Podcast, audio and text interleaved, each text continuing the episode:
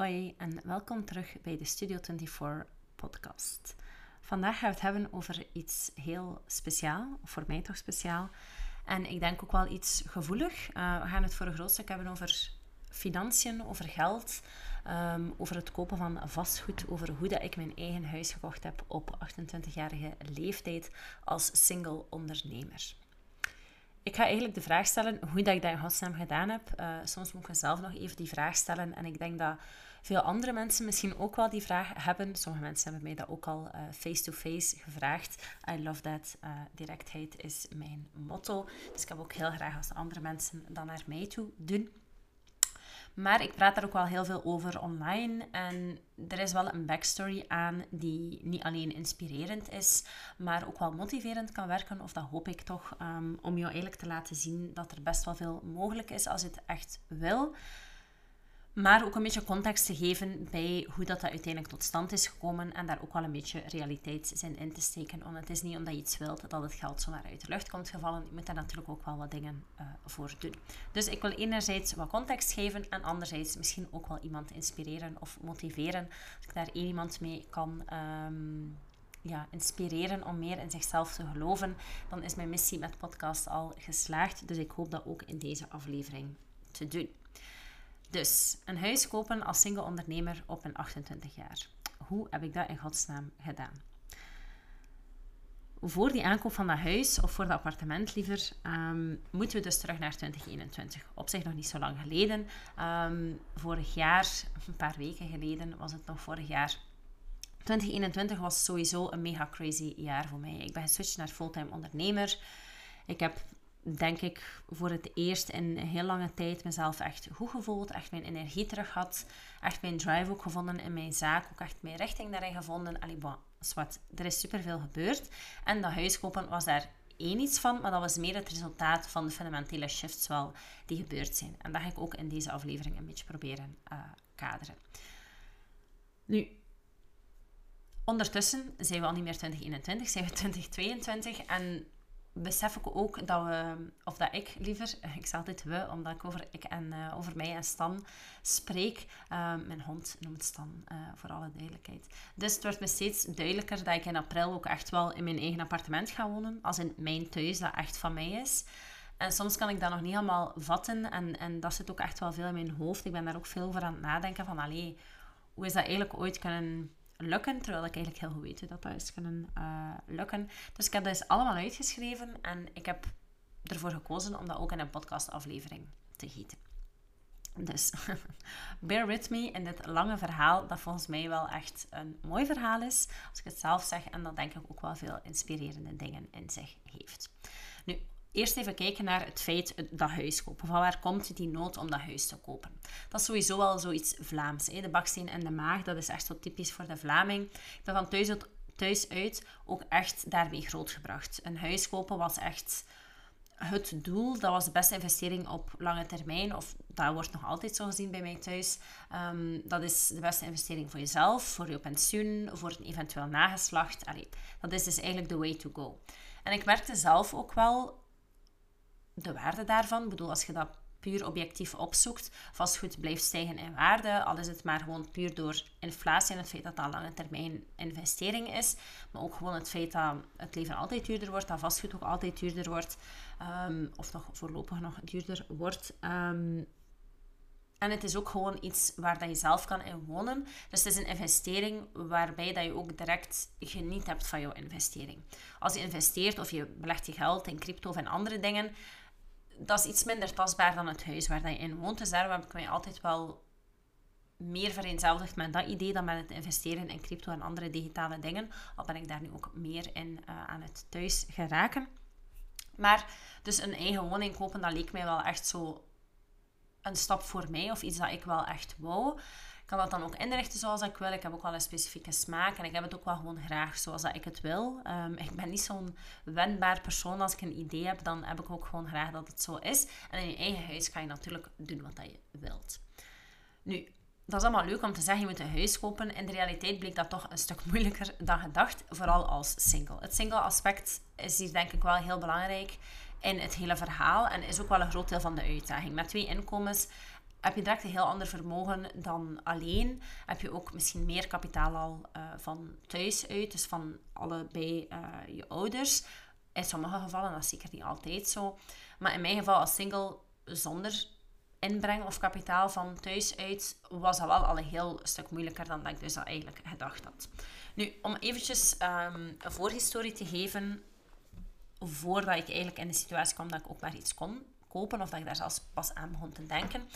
Als ik begon met werken, had ik dus eigenlijk 0 euro. Allee, op mijn rekening uh, misschien een paar honderd euro van mijn laatste vakantiejob of zo. Maar ik weet dat dat echt bijna onder nul was. En ik had eigenlijk wel sinds mijn vijftiende altijd vakantiejobs gedaan, maar dat geld was eigenlijk wel weg, of dat was op. Um, ik weet nog, mijn eerste vakantiejob, mijn mama had dat voor mij gefixt. Dat was aan de kust, uh, moest ik tickets verkopen. En ik weet dat ik daar echt al zo met grote bedragen moest omgaan op mijn 15 jaar. Omdat ik aanleg had voor talen en redelijk goed Frans uh, sprak, mocht ik daar zo'n ticketverkoop doen. Uh, dat was op de dijk. Dat was denk ik voor... Het was niet Cirque de Soleil, maar het was iets dat erop leek. Um, alleszins, ik moest daar echt met gigantische bedragen omgaan, als in, in cash geld. Want die tickets die waren echt toen al super duur. Weet dat dat echt een, een bizarre situatie was, maar dat was like een externe... Dat was een internationale organisatie, dus die stonden daar precies een heel stuk minder bij stil dat ik maar 15 jaar was. Nu, dat even terzijde, even een sidetrack on my mind.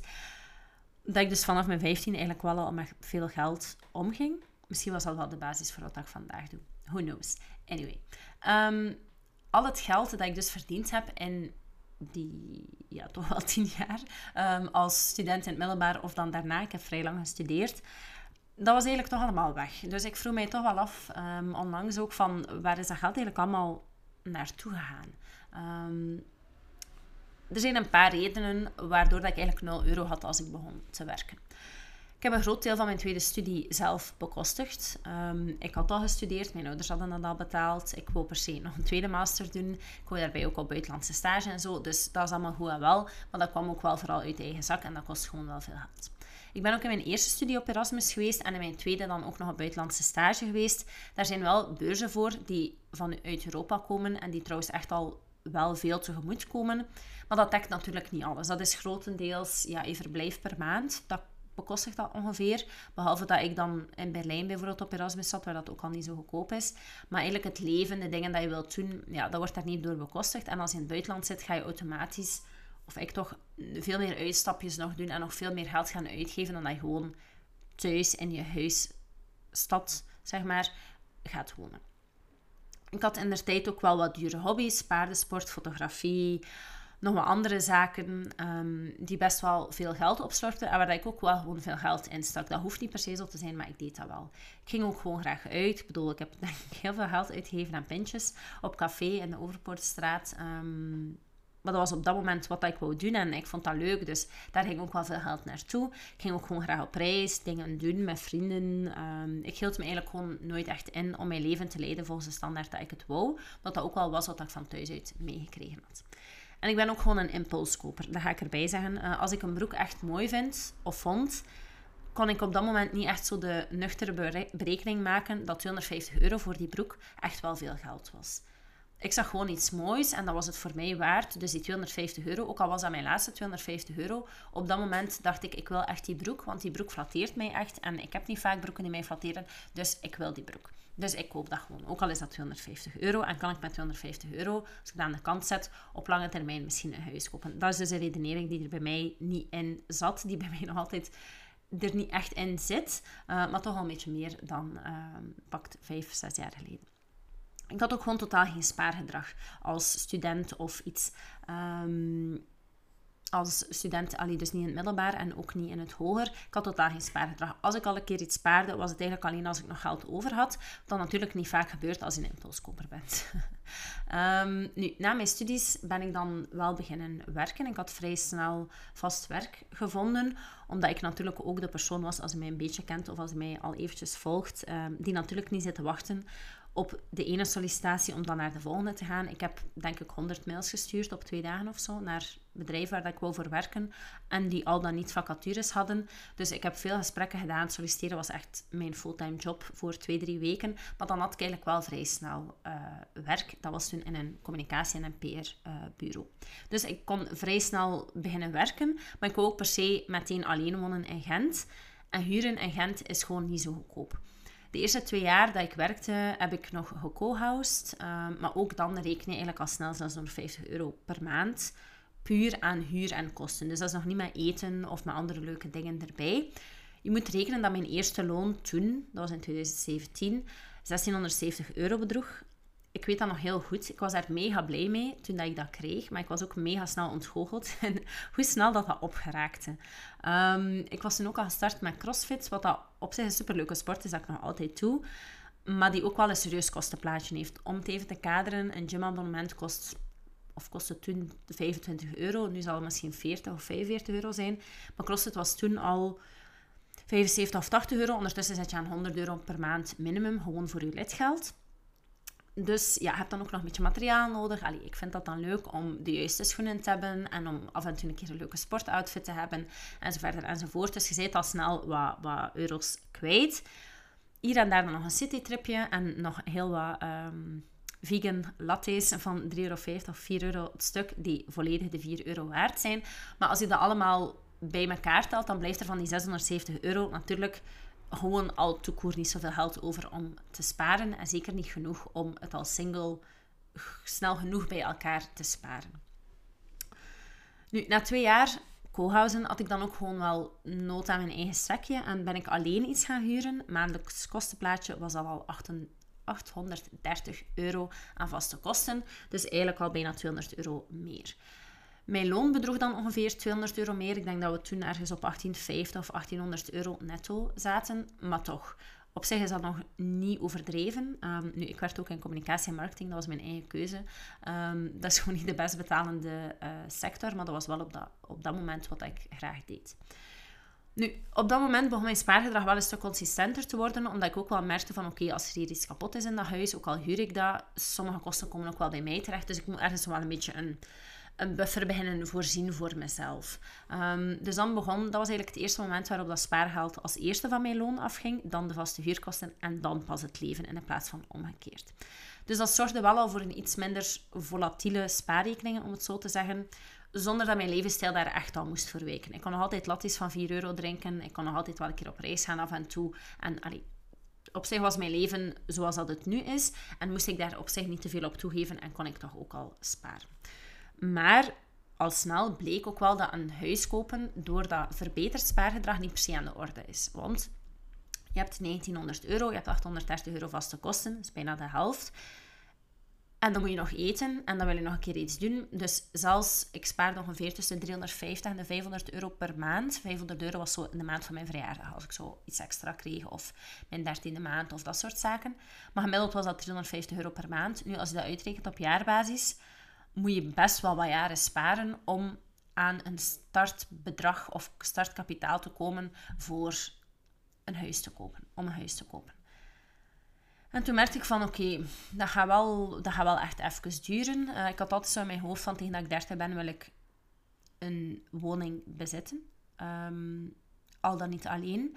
Maar als ik nog altijd alleen ben, nog altijd, als ik alleen ben op dat punt, tegen dat ik 30 word, wil ik daar ook toe in staat zijn. Ik ben iemand die sowieso zeer zelfstandig is. Dus ik ging ook niet wachten op iemand anders om dat voor mij waar te maken. Als die persoon er was geweest, dan konden we dat samen waargemaakt hebben, maar dat ging niet van die persoon per se afgehangen hebben.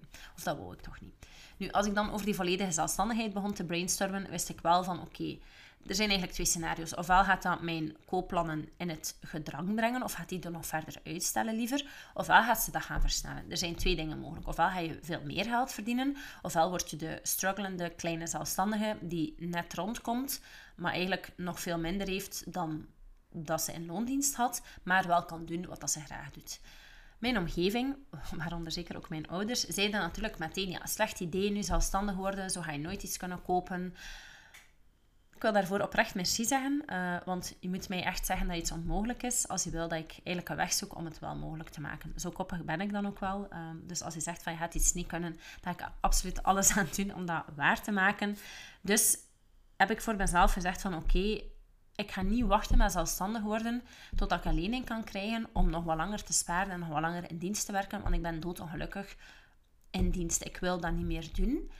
En ik beloof ook aan mezelf dat zelfstandig zijn niet in de weg moet staan van mijn levensstijl en ook mijn plan om voor mijn dertigste een woning te kopen. Het kan allemaal. Die belofte heb ik aan mezelf kunnen doen. En als ik daar nu op terugkijk, is dat waanzinnig als je weet waar dat ik in mijn studententijd stond qua geloof in mezelf en beloftes kunnen doen aan mezelf, of zelfs ook al als ik in dienst werkte. Maar toen, ik weet dat was zo mei, juni vorig jaar, dus 2021, en de energy was flowing en ik heb dat gewoon gezegd van oké, dat moet gewoon lukken. Dus ik ben toch gesprongen op 1 augustus of op 2 augustus, de maandag dan, was mijn eerste werkdag als fulltime zelfstandige. Dus met, dat beloof, met die belofte liever om aan mezelf met een loon te kunnen uitkeren en te kunnen sparen voor mezelf. Om zo mijn startkapitaal voor de koop van die woons te vergroten.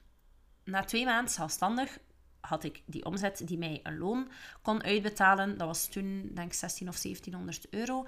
En een stuk daarvan bovenop dan uh, nog te sparen in mijn zaak. En dan nog een stukje privé ook gewoon. Ik vind het interessant om verschillende potjes te hebben naar beheer van je financiën. Maar dat is misschien voor een andere aflevering. Nu, na twee maanden zelfstandig besefte ik wel van, oké, ik zit hier te sparen en dat gaat wel goed.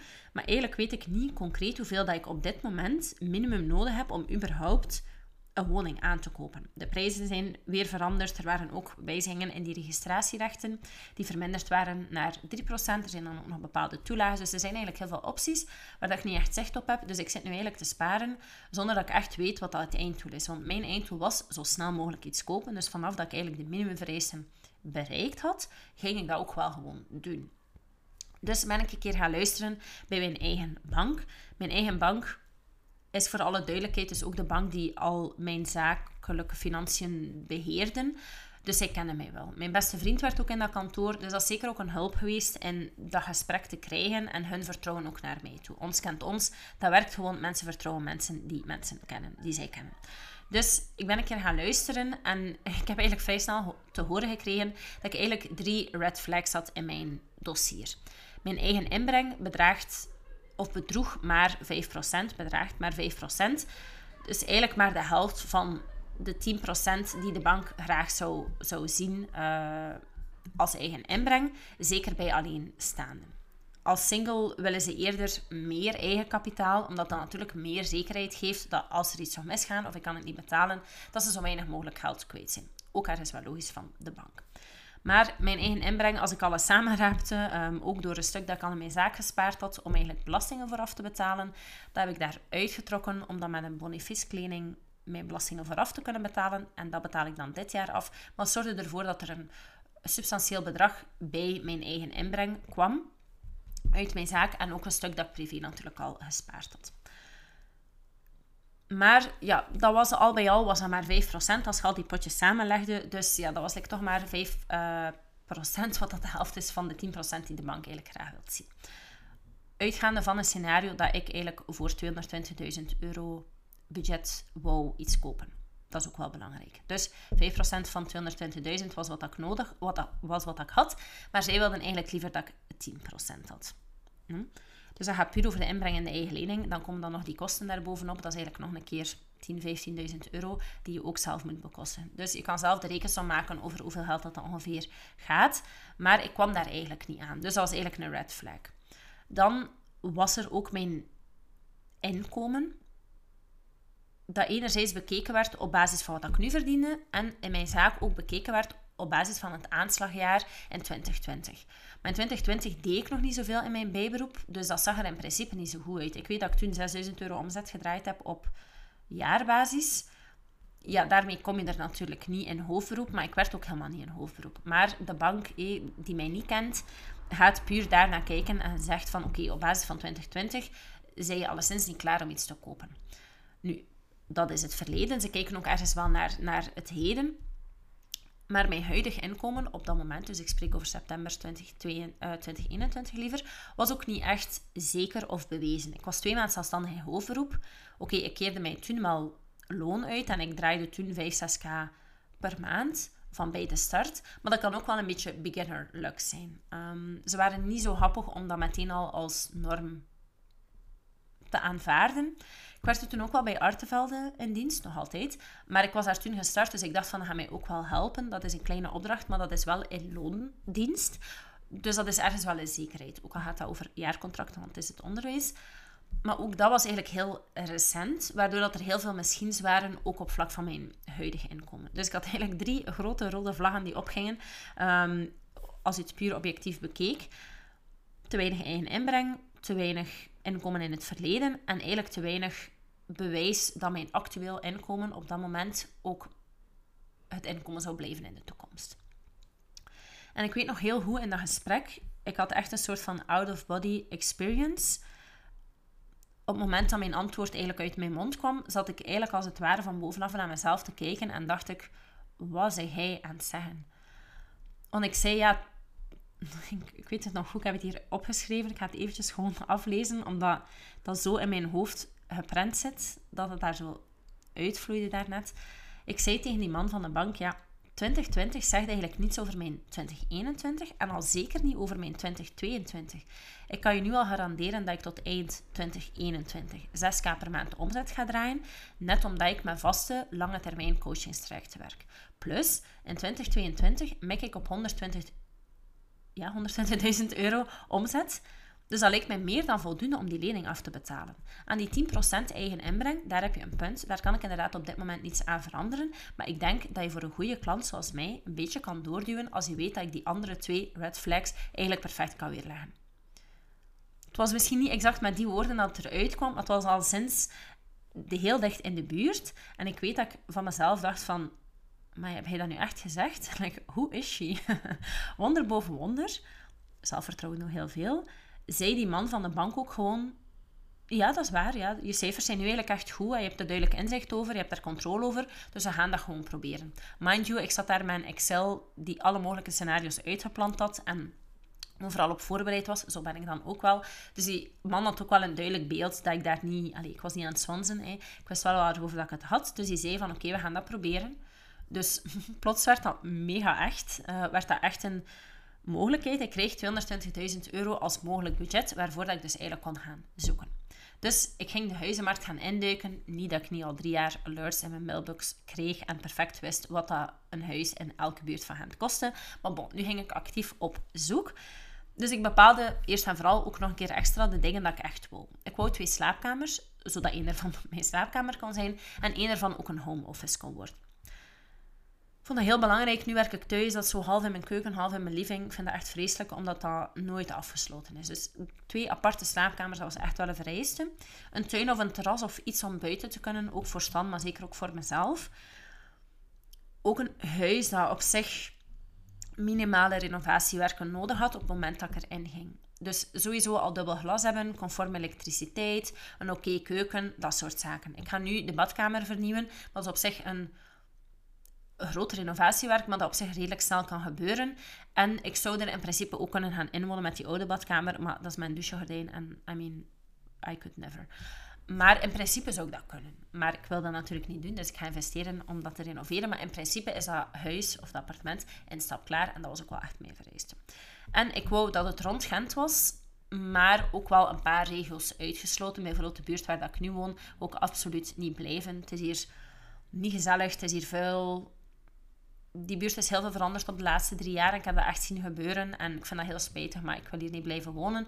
En er zijn zo nog wel een paar buurten in Gent, dus die had ik van mijn lijstje geschrapt. En al de rest ben ik dan gaan zoeken en uiteindelijk ben ik in uh, Wondelhem uitgekomen. Ik heb toch wel de volle negen dagen moeten zoeken. Iedereen zei, ja, dat kan echt maanden duren tegen dat je iets vindt. Maar ik wist dat al van, oké, ik heb dat hier nu, ben dat hier aan het manifesteren. Ik heb dat beloofd aan mezelf. Dat gaat sowieso mega snel gaan. Ik wil je eigenlijk herinneren aan de impulskoper uh, dat ik ben, waar ik in het begin van de aflevering over bezig was. Uh, de broek van 250 euro. Hè. Dus ik wist van, als ik het ga zien, ik ben geen twijfelaar. Ik kan mijn gut feeling echt volgen en ik kan weten als het juist is. Dus ik wist van, ik ga sowieso snel iets gevonden hebben. Ik wil ook gewoon dat zaken snel rond zijn. Ik ben iemand die vier maanden zoekt en vergelijkt en afweegt. Nee, ik ben gewoon zien, voelen, oké, doen. Dus ik heb toch de volgende negen dagen moeten zoeken. Uh, ik ben in die negen dagen drie keer afgewezen als koper, omdat er iemand anders ook meer bood. Um, of omdat ze iemand wilde met twee. Uh, omdat ze dan zekerder waren dat, het, dat de leerling er ging doorkomen. En ik ben ook acht keer te laat geweest om zelfs maar te gaan kijken. Dus op negen dagen. Dat was echt... De huismarkt is crazy. Dus ik besefte van, na een week ongeveer... Oké, ik ga hier ook wel crazy moeten doen om mijn plek dus eigenlijk te kunnen bemachtigen. Want iedereen is echt shark mentality. Als je, ziet iets en je moet er echt opvliegen en je mocht niet twijfelen. Je moet direct een bod kunnen doen, je moet er direct kunnen voor gaan. Dus toen ik mijn huidige woning zag staan online, wist ik het eigenlijk al meteen op basis van de foto's van oké, dat is hier, dat moet het zijn. Dat klinkt misschien stom, maar ik ben echt een mega gevoelsmatig en impulsief persoon op dat vlak. En ik weet gewoon dat mijn gut feeling mij zelden tot nooit in de steek laat. Dat is in het verleden ook nog nooit zo geweest en ik durf daarop vertrouwen, ook voor grote beslissingen.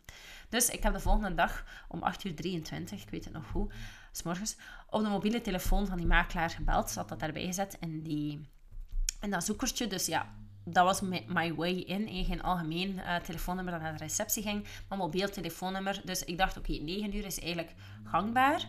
8 uur 30 is vroeg. Maar er zijn misschien nog sharks die om 8 uur 30 gaan bellen. Dus ik ga gewoon een klein beetje daarvoor bellen om 8 uur 23. Nog een keer sorry aan Lisa, de, um, de vrouw van het makelaar, uh, makelaarskantoor. Maar het moest gewoon, want ik wist dat gaat hier zijn.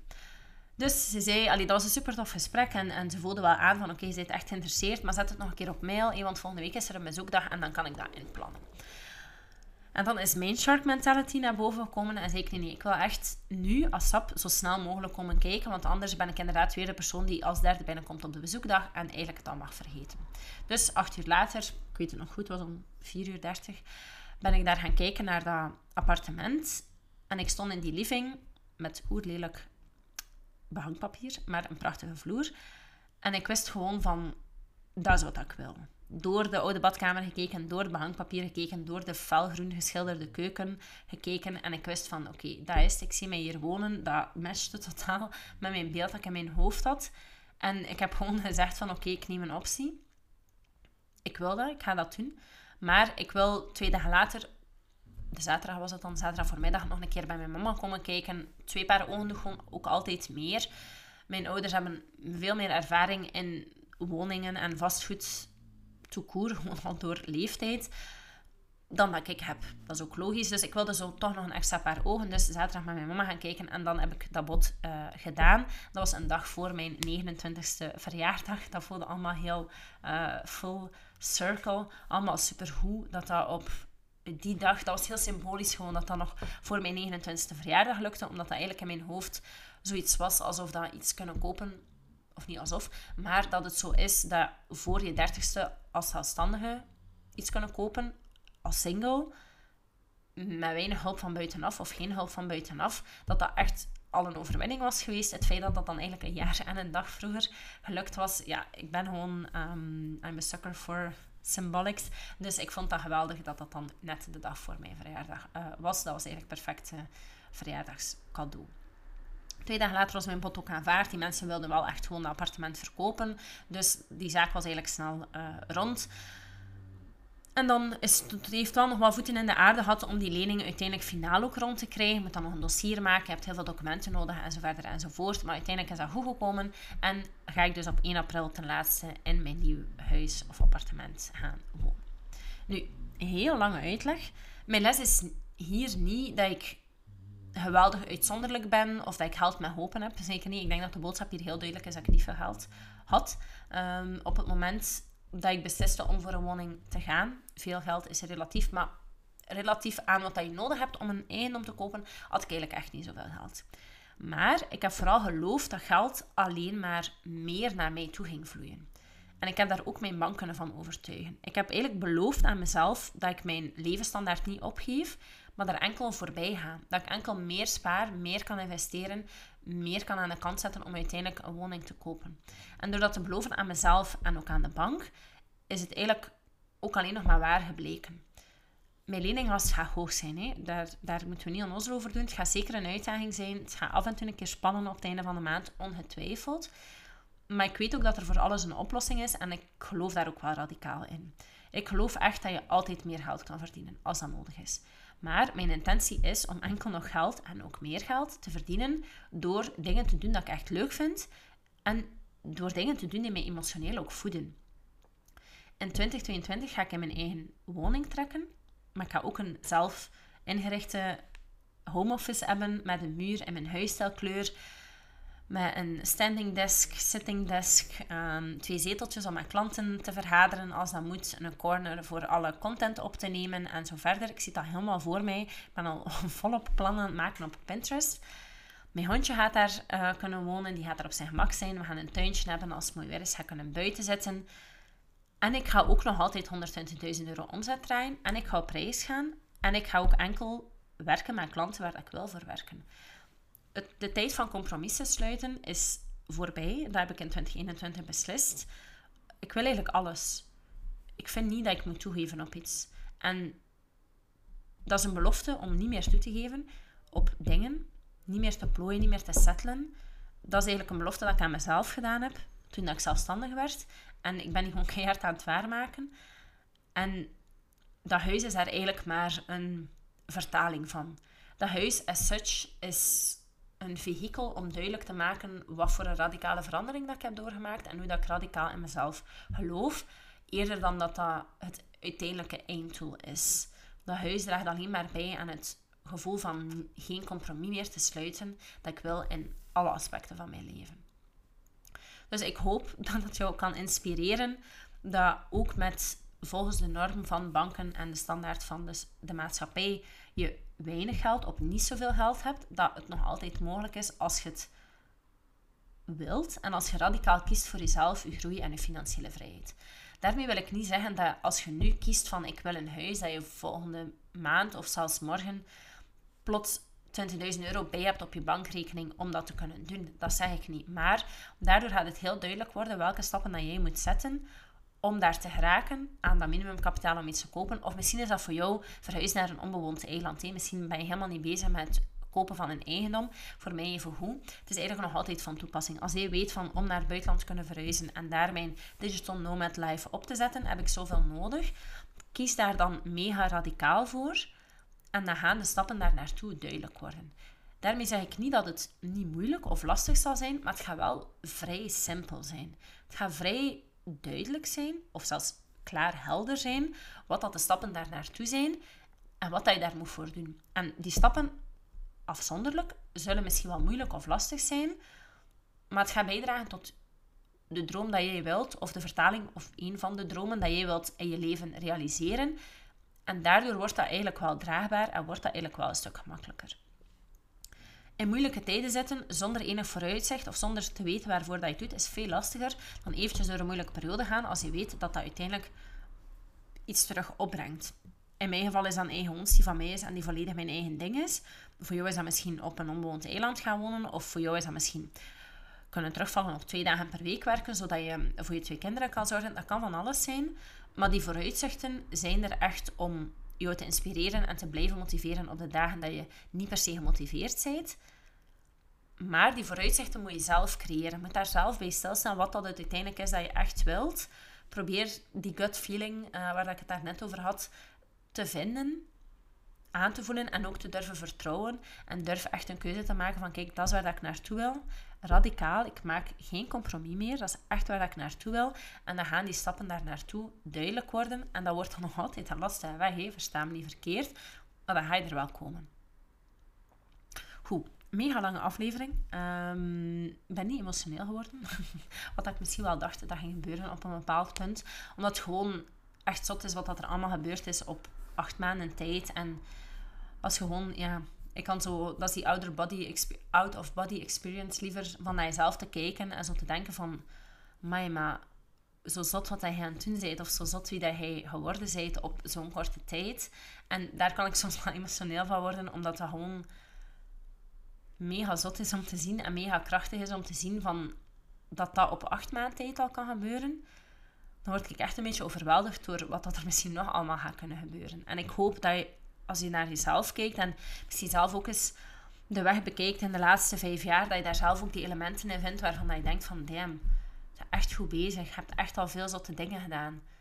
Ook al gaat dat niet over een huis kopen, ook al gaat dat misschien over andere dingen, maar ik hoop echt dat je zo naar jezelf kunt kijken en dat je op dat moment, of door dat te doen, de kracht vindt om inderdaad radicaal die belofte aan jezelf te doen, om in het komende jaar, twee jaar, vijf jaar, echt naar iets toe te werken dat je echt, dat echt jouw vuur laat branden van binnen en ervoor zorgt dat je eigenlijk van dag tot dag gemotiveerd bent om te werken uh, voor dat uiteindelijke doel.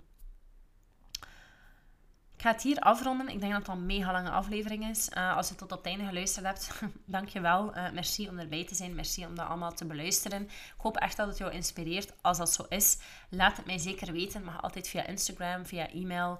Um, maakt niet uit. Uh, postduif mag ook. Maar laat het mij zeker weten als je er iets aan hebt. Als dat jouw vuur weer wat meer laat branden. Dat is uiteindelijk echt mijn bedoeling van de podcast en van alles wat ik doe in mijn zaak om jouw vuur meer te laten branden, om jou ook meer bij jouw droomleven te brengen. Dus als deze aflevering daarbij geholpen heeft, let me know. Um, dan maak je mijn dag ook weer goed.